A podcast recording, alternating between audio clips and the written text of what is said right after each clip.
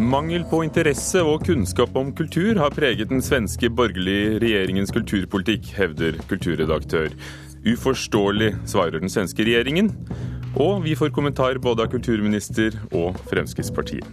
En ny utstilling består av hjemmelagde, men fullt brukbare pistoler. Høyrepolitiker mener at det bryter med loven. Og Khaled Hosseinis tredje roman er et moralsk lærestykke. Ikke på høyden med hans tidligere internasjonale bestselgere, sier vår anmelder.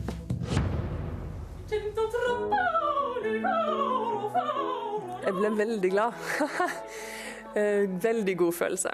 Og det er en av de som ble tatt ut til å være med i dronning Sonjas internasjonale sangkonkurranse, og den begynner i dag. Og vi hører mer om dem senere her i Kulturnytt i Nyhetsmorgen med Ugo Fermariello i studio. I Sverige har kulturbudsjettene økt hvert år med den borgerlige regjeringen. Men flere av dem som arbeider med kultur er likevel skuffet og oppgitt over politikken.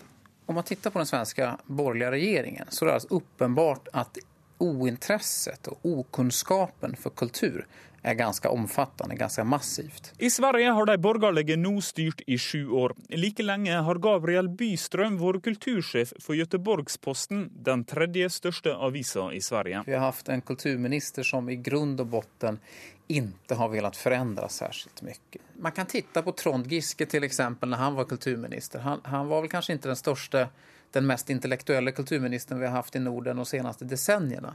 Men han var veldig skikkelig i å plukke inn mer penger til kulturpolitikken. Det som kanskje er den største generelle endringen, det er vel at denne regjeringen ønsker ikke særløsninger. Helena Wessmann, kunstnerisk leder for symfoniorkesteret i Gøteborg, mener musikere og kunstnere får lite ekstra drahjelp av de borgerlige. Man vil tydelig ha at det skal gjelde samme eh, regler over hele arbeidsmarkedet.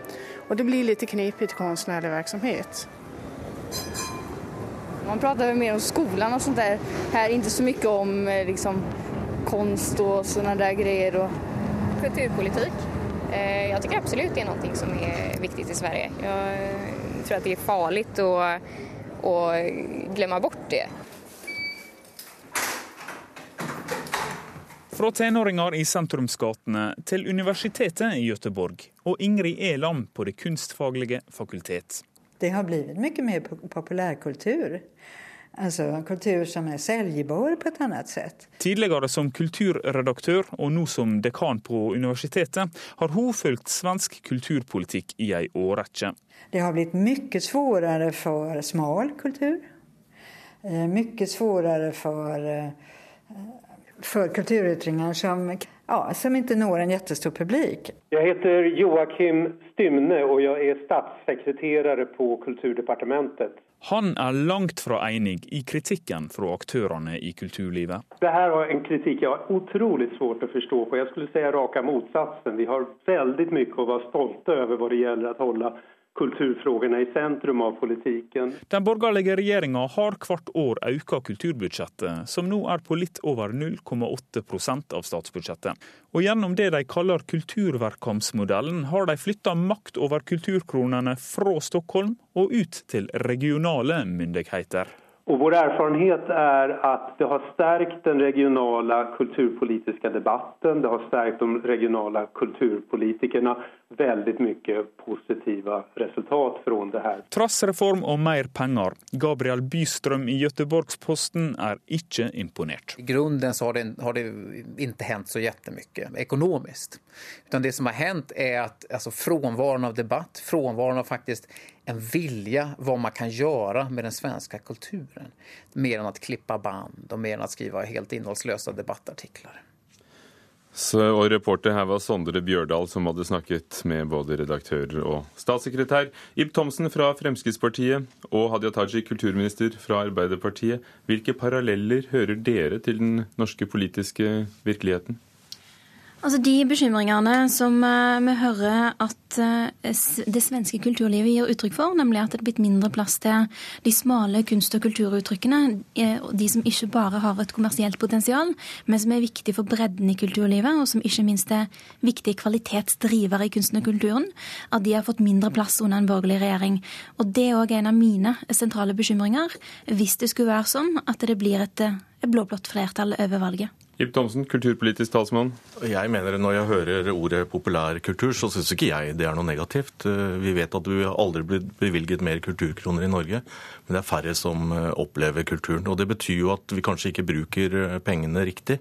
og Derfor er det jo viktig at man har en gjennomgang på dette her. Så populærkultur for meg, det høres som at man er på riktig vei, fordi at da gjør man noe som folk ønsker å se og høre og oppleve. For her er det jo tydeligvis brukt mer penger i Sverige hvert år, men så hevder i hvert fall dem vi snakket med, at den styres mot mer populære former.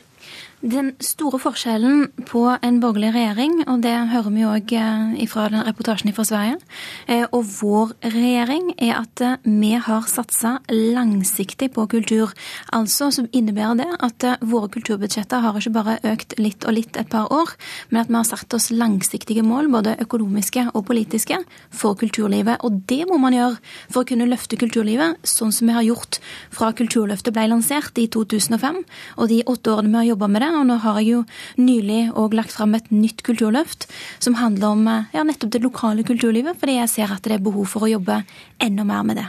Noe av anklagen fra redaktøren, kulturredaktøren vi hørte i reportasjen, er jo eh, ikke at det manglet penger, men at det manglet mål og visjoner for den borgerlige kulturpolitikken. At den, at den gikk ut i periferien. Hvilke mål og visjoner ville du hatt hvis du fikk gjøre nettopp langsiktige valg? Nei, jeg ville jo nok ha, ha, satt uh, publikum i fokus. Uh, og som kulturministeren også sier, dette med å få kulturkronene ut i, i, distriktene, ikke minst kommunene, er viktig. Det er jo der talentene bor, det er der kulturen utvikler seg i utgangspunktet, og det skjer ikke i Oslo.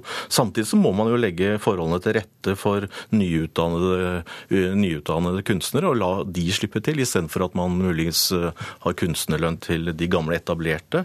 Det er noe man bør kanskje bruke penger pengene på. Ikke minst ruste opp nasjonalteater og, og scenene i Bergen. Så, så, å gjøre det mer attraktivt å, å oppleve kulturen. Så, så, det er mange ting å gjøre, og det er mye penger som, som, går med i kulturen også, men derfor bør man ha publikum i fokus. Du skal straks få Tajik, men ville en regjering hvor du var med, også som i en svensk borgerlig regjering, oppleve at kulturbudsjettet økte? Ja, det er helt sikkert. Eh, om vi kommer til å bruke like mye penger som eh, sittende regjering, det, tror jeg nok ikke. I hvert fall med Frp som eh, en påvirkningsfaktor. Men det vi ønsker, det er i hvert fall at kulturkronene kommer ut av Oslo, og ikke kanaliseres gjennom Kulturrådet. Og der tror jeg mye er gjort, hvis man klarer å få til det. Men mindre budsjetter, altså? Noe mindre budsjetter. Tajik. Ja, Det er viktig å få fram den eh, forskjellen at Fremskrittspartiet jo helt åpent forteller i sitt alternative statsbudsjett at de vil kutte 1,5 milliarder kroner til kulturlivet. Og De skriver òg i sitt prinsipprogram at både kulturlivet, frivilligheten og idretten må regne med i større grad å finansiere seg sjøl. Nå er jo jeg kjempenysgjerrig på hvor mange flere vafler de tror det er mulig å selge for det frivillige kulturlivet for å kunne finansiere seg sjøl, men det er i hvert fall en verdiforskjell. Og så opplever jeg òg at vi her nå får bekrefta at med en borgerlig regjering så vil det bli økt kommersialisering. Fordi Ib Thomsen sier at det er publikum som er i fokus. Jeg mener at det skal være kunsten og kulturen som er i fokus. Kunsten og kulturens bredde som er i fokus. Og at det er det man må jobbe systematisk med. Og det òg har betydning for eh, ja, folks opplevelse, livskvalitet, helse, er helt åpenbart. Men alt det du Men, sier der, handler ikke det nettopp om å nå folk? Definitivt handler det om å nå folk, og det å jobbe for økt deltakelse er en viktig del av denne regjeringens arbeid. Men forskjellen på når eh, vi jobber med økt deltakelse, og når jeg her hører Fremskrittspartiet snakke om eh, at publikum skal være i fokus, så sier en jo at det er publikum som skal styre bredden i kulturlivet. Og altså, for all del, eh, man skal nå ut til folk, det er et viktig mål det òg, men vi må legge til rette for de smale, de nyskapende, de innovative kulturuttrykkene. Det driver kunsten og kulturen framover. Og Det er jeg helt enig i, akkurat det kulturministeren nå sier. Men det i Kulturløftet 3 nå, så er det jo ikke noe forpliktende. Man sier at man ønsker å få kulturkroner ut til kommunene uten at man ønsker å vise hvordan de skal brukes. Og Dette forslaget har jo vi fremmet i Stortinget, akkurat med at vi ønsker kulturkroner. Og Senterpartiet har jo til og med vedtatt det på landsmøtet, så dette er jo en uenighet i regjeringen om hvordan man skal bruke kulturkroner. Og Den svenske regjeringen har altså lykkes eh, i å flytte en del makt fra det, det svenske kulturrådet til regionen eh, regionene, til fylkene og distriktene. Eh, og de tok, gjorde grep også når det gjaldt Rikskonsertene og fikk mer makt ut, uten at vi har tallfestet dette i denne reportasjen. Men, men kunne du se for deg noen eh, grep, Hadia Tajik? For det har vært en stor diskusjon i Norge hvorvidt eh, de store byene, og spesielt Oslo, får for mye penger og for mye makt. Jeg vil gjerne at vi ser nærmere på hvordan man kan eh, fordele kulturkronene eh, enda bedre geografisk over landet vårt. Men jeg må få korrigere eh, Fremskrittspartiet når det her blir sagt at det nye Kulturløftet ikke har konkrete forpliktelser fra statlig side. Fordi der står det eksplisitt, f.eks. på kulturskolene, at vi ønsker å gi en statlig støtte til de kommunene som jobber systematisk med sosial utjevning og med faglig innhold i kulturskolene. Det er ett eksempel på hvordan man kan bidra til å løfte det lokale kulturlivet. Kort replikk.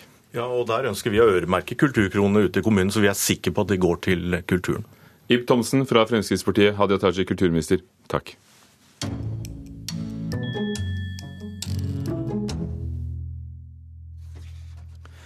Moderne teknologi og kunst forandrer seg hele tiden, noen ganger i retninger som kan være farlige. Og i våres viste det seg at 3D-skrivere, som de heter, altså skrivere som kan eh, lage tredimensjonale gjenstander, kunne også brukes til å produsere våpen. En norsk kunstner vil kommentere utviklingen med sin nye utstilling, og den er full av hjemmelagde pistoler.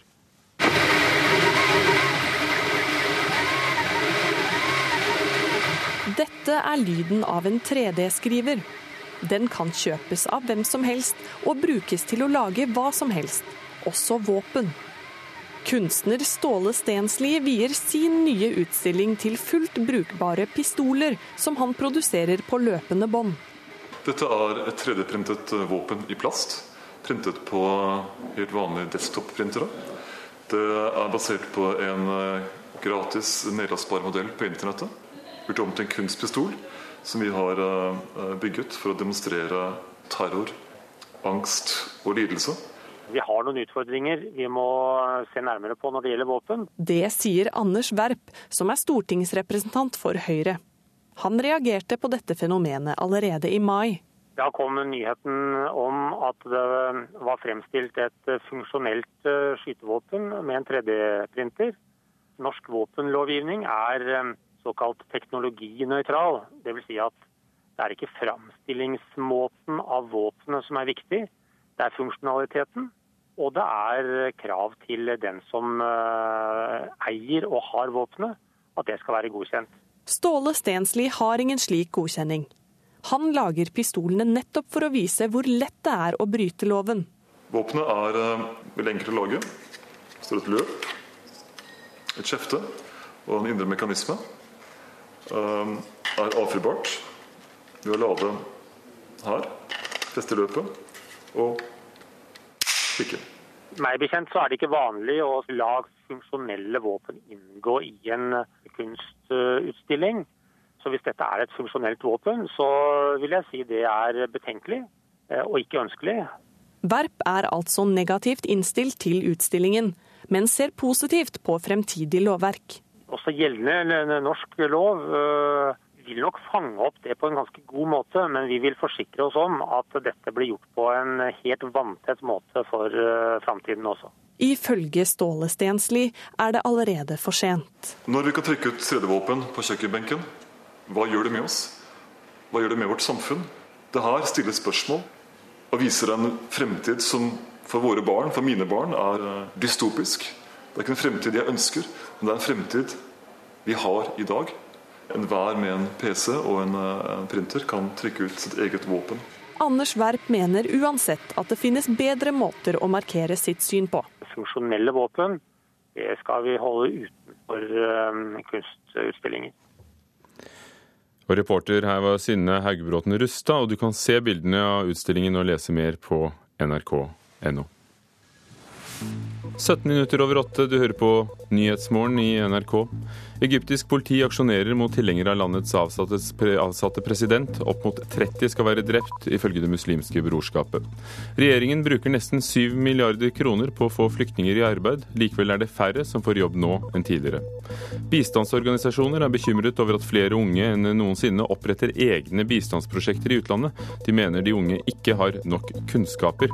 Og vi møter unge sangtalenter fra hele verden som skal konkurrere i dronning Sonjas internasjonale musikkonkurranse senere her i Kulturnytt.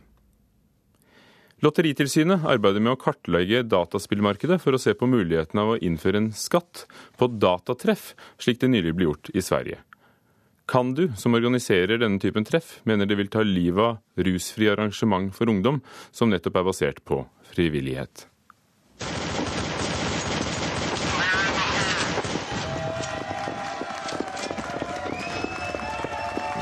Felt veldig mange regulatører i nesten alle land nå jobber tungt med å definere hvor langt rekker den lovgivningen vi har på pengespillfeltet. Og Vi skal gå inn i dette rommet som nå holder på å utvikle seg, og se trengs det ny lovgivning. Trengs det flere reguleringstiltak? Hva vil norske politikere gjøre med alt det som skjer innenfor utviklinga i spillverdenen? Uttalelsen til Lotteritilsynets direktør Atle Hamar får nok jubelen til å stilne hos de fleste som skal arrangere såkalte datatreff eller LAN. Her samles ungdom for å spille sammen og konkurrere. Hamar varsler at flere felt innenfor dataspill skal granskes, fordi likhetene er veldig store til pengespill. Han skal gi råd til Kulturdepartementet i løpet av neste år hva som bør gjøres på feltet.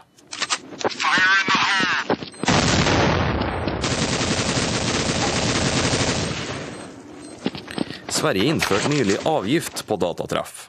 Der koster det 35 000 kroner hvis man overstiger 26 maskiner på treffet.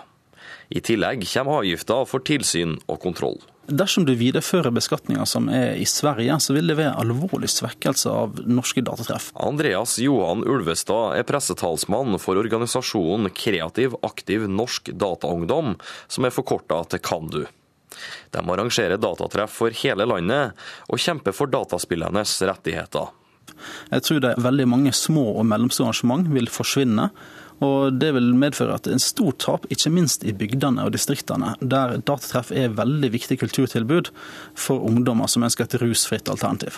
Hvor mye regninga kan bli i Norge, vil ikke Lotteritilsynet si så mye om enda. Vi har ikke noen konkrete svar i dag, men skal en vurdere dette, så er det jo nærliggende å se på hva et land som Sverige har gjort, all den tid at eh, Norge og Sverige er veldig greie land å sammenligne.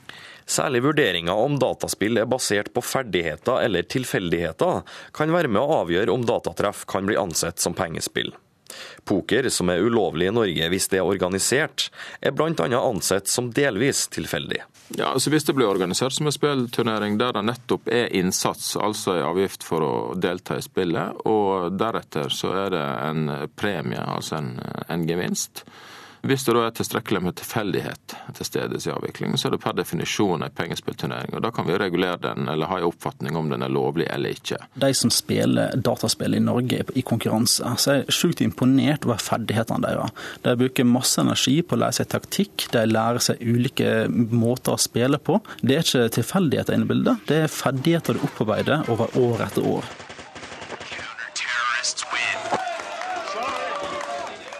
Og reporter var Rune Eian om eh, Lotteritilsynet som vurderer avgift på dataspilltreff.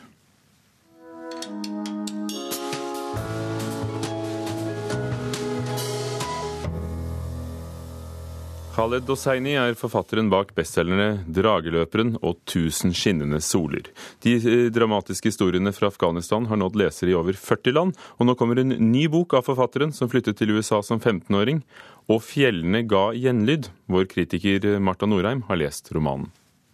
Opptakten er like grusom som den er fengslende. Hva skal en fattig afghansk familiefar med for mange munner å mette gjøre når ei rik kvinne lover han en god pris for dattera hans? At mora til jenta er død, og at den nye kona hans gjør tydelig forskjell på sine egne barn og stebarna, er kanskje tunga på vektskåla. Den vesle jenta Pari får et liv i rikdom, og hun glemmer landsbyen og storebroren som hun elsker overalt på jord. Men blir hun lykkelig? Som alle underholdningsforfattere med suksess griper Hosseini til store menneskelige dilemma når han skal lage ei historie. Denne gangen har han også valgt et stort format. Familien spreier seg i løpet av en 50-årsperiode over tre kontinent.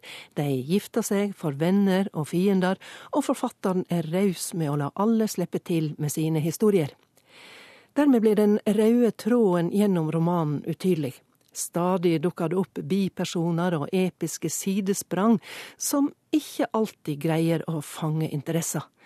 Ikke bare fordi de tar oss vekk fra hovedhistoria, men vel så mye fordi de er skildra i så generelle vendinger at de blir diffuse og i verste fall irrelevante. Var språket så flatt og personskildringa så svak i de to tidligere bøkene til Hosseini? Etter hvert går det opp for meg at det, det er selve moralen i alle disse historiene som er den røde tråden i romanen. Personene må velge om de skal følge sine egne lyster, eller ta ansvar for andre i familien eller i samfunnet. De får vise fram ulike måter å takle urett på, både i øst og vest, i Afghanistan og i USA. Den kloke fortelleren legger gjerne til egne refleksjoner om hva som virkelig gjelder. Du skal ikke forakte de fattige, du skal heller ikke stjele fra dem. Du kan ikke kjøpe deg lykke. Du skal ikke se ned på kvinner og homofile. Du skal ikke lyge fine ting, men romanen hadde stått seg på å gi personene liv, og så kunne vi som les heller få i oppgave å vurdere den moralske gehalten i livsvala under lesinga. Best er romanen der eh, den skildrer livet på landsbygda og i den strålende byen Kabul på 50- eh, og 60-tallet. Men eh, hva så med den store historia om familien som blir delt? Jo, det blir knytt noen tråder der også etter hvert. Familiegåtene kommer opp i dagen før siste punktum er sett. Men å fjellene ga gjenlyd er for mye av et moralsk lærestykke til at han virkelig fenger. Det sa Marta Norheim om Khaled Hosseinis eh, nyeste roman, og den er oversatt til norsk av Elisabeth Middleton. Dronning Sonja internasjonale musikkonkurranse åpner med seremoni i Oslo rådhus i dag. Konkurransen arrangeres annethvert år, og sangere fra hele verden kappsynger om prisene på opptil 150 000 kroner. Jeg tror det har veldig mye å si å vinne denne konkurransen.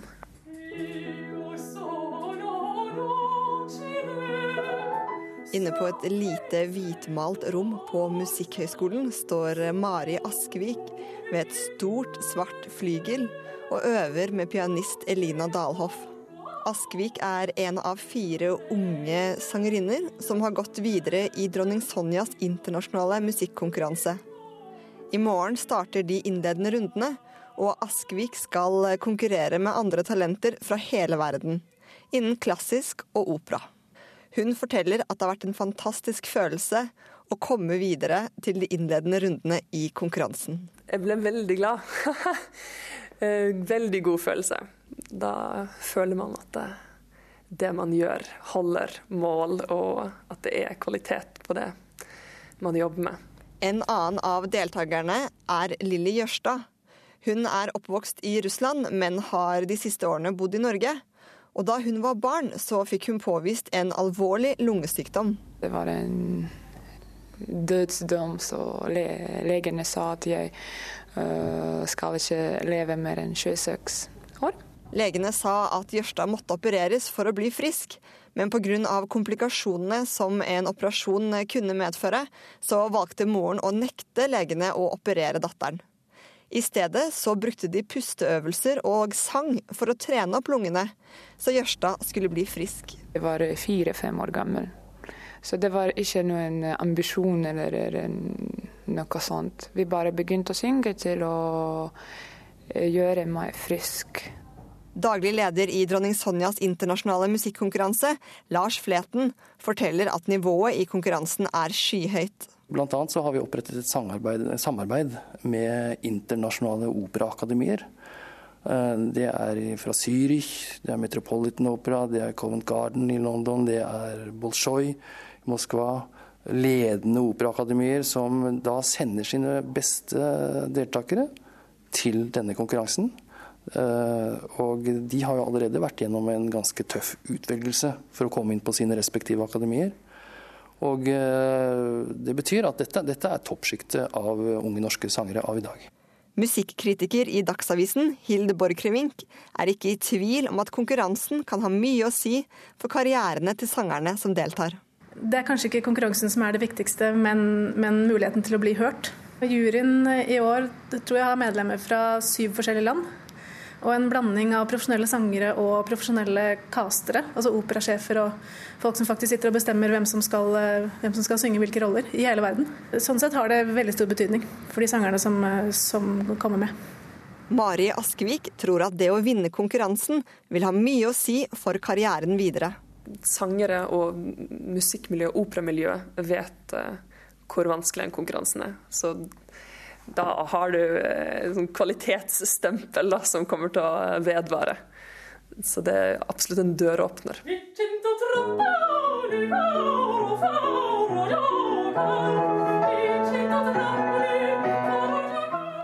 Og i dag begynner det. Finalen i Dronning Sonja internasjonale musikkonkurranse kan vi høre direkte i NRK P2, eller også se på TV NRK2 fredag om en drøy uke 23. august. Og reporter var Heidi Røneid.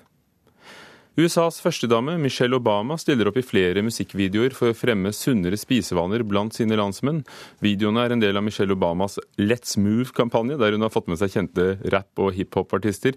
Den amerikanske førstedamen rapper ikke selv på noen av de 19 låtene som også utgis på platen, 'Sanger for et sunnere Amerika', men hun både snakker og svinger seg i videoene, skriver Spin Magazine.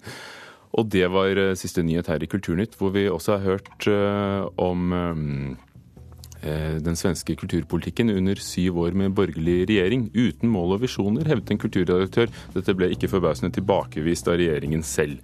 Lotteritilsynet utreder muligheten for å ta avgift av dataspilltreff, og Khaled Hosseini har skrevet et moralsk lærestykke som ikke var like litterært overbevisende som hans tidligere romaner, ifølge vår kritiker. Vidar Sem var produsent, Per Ivar Nordahl teknisk ansvarlig, Ugo Fermarello programleder for Kulturnytt.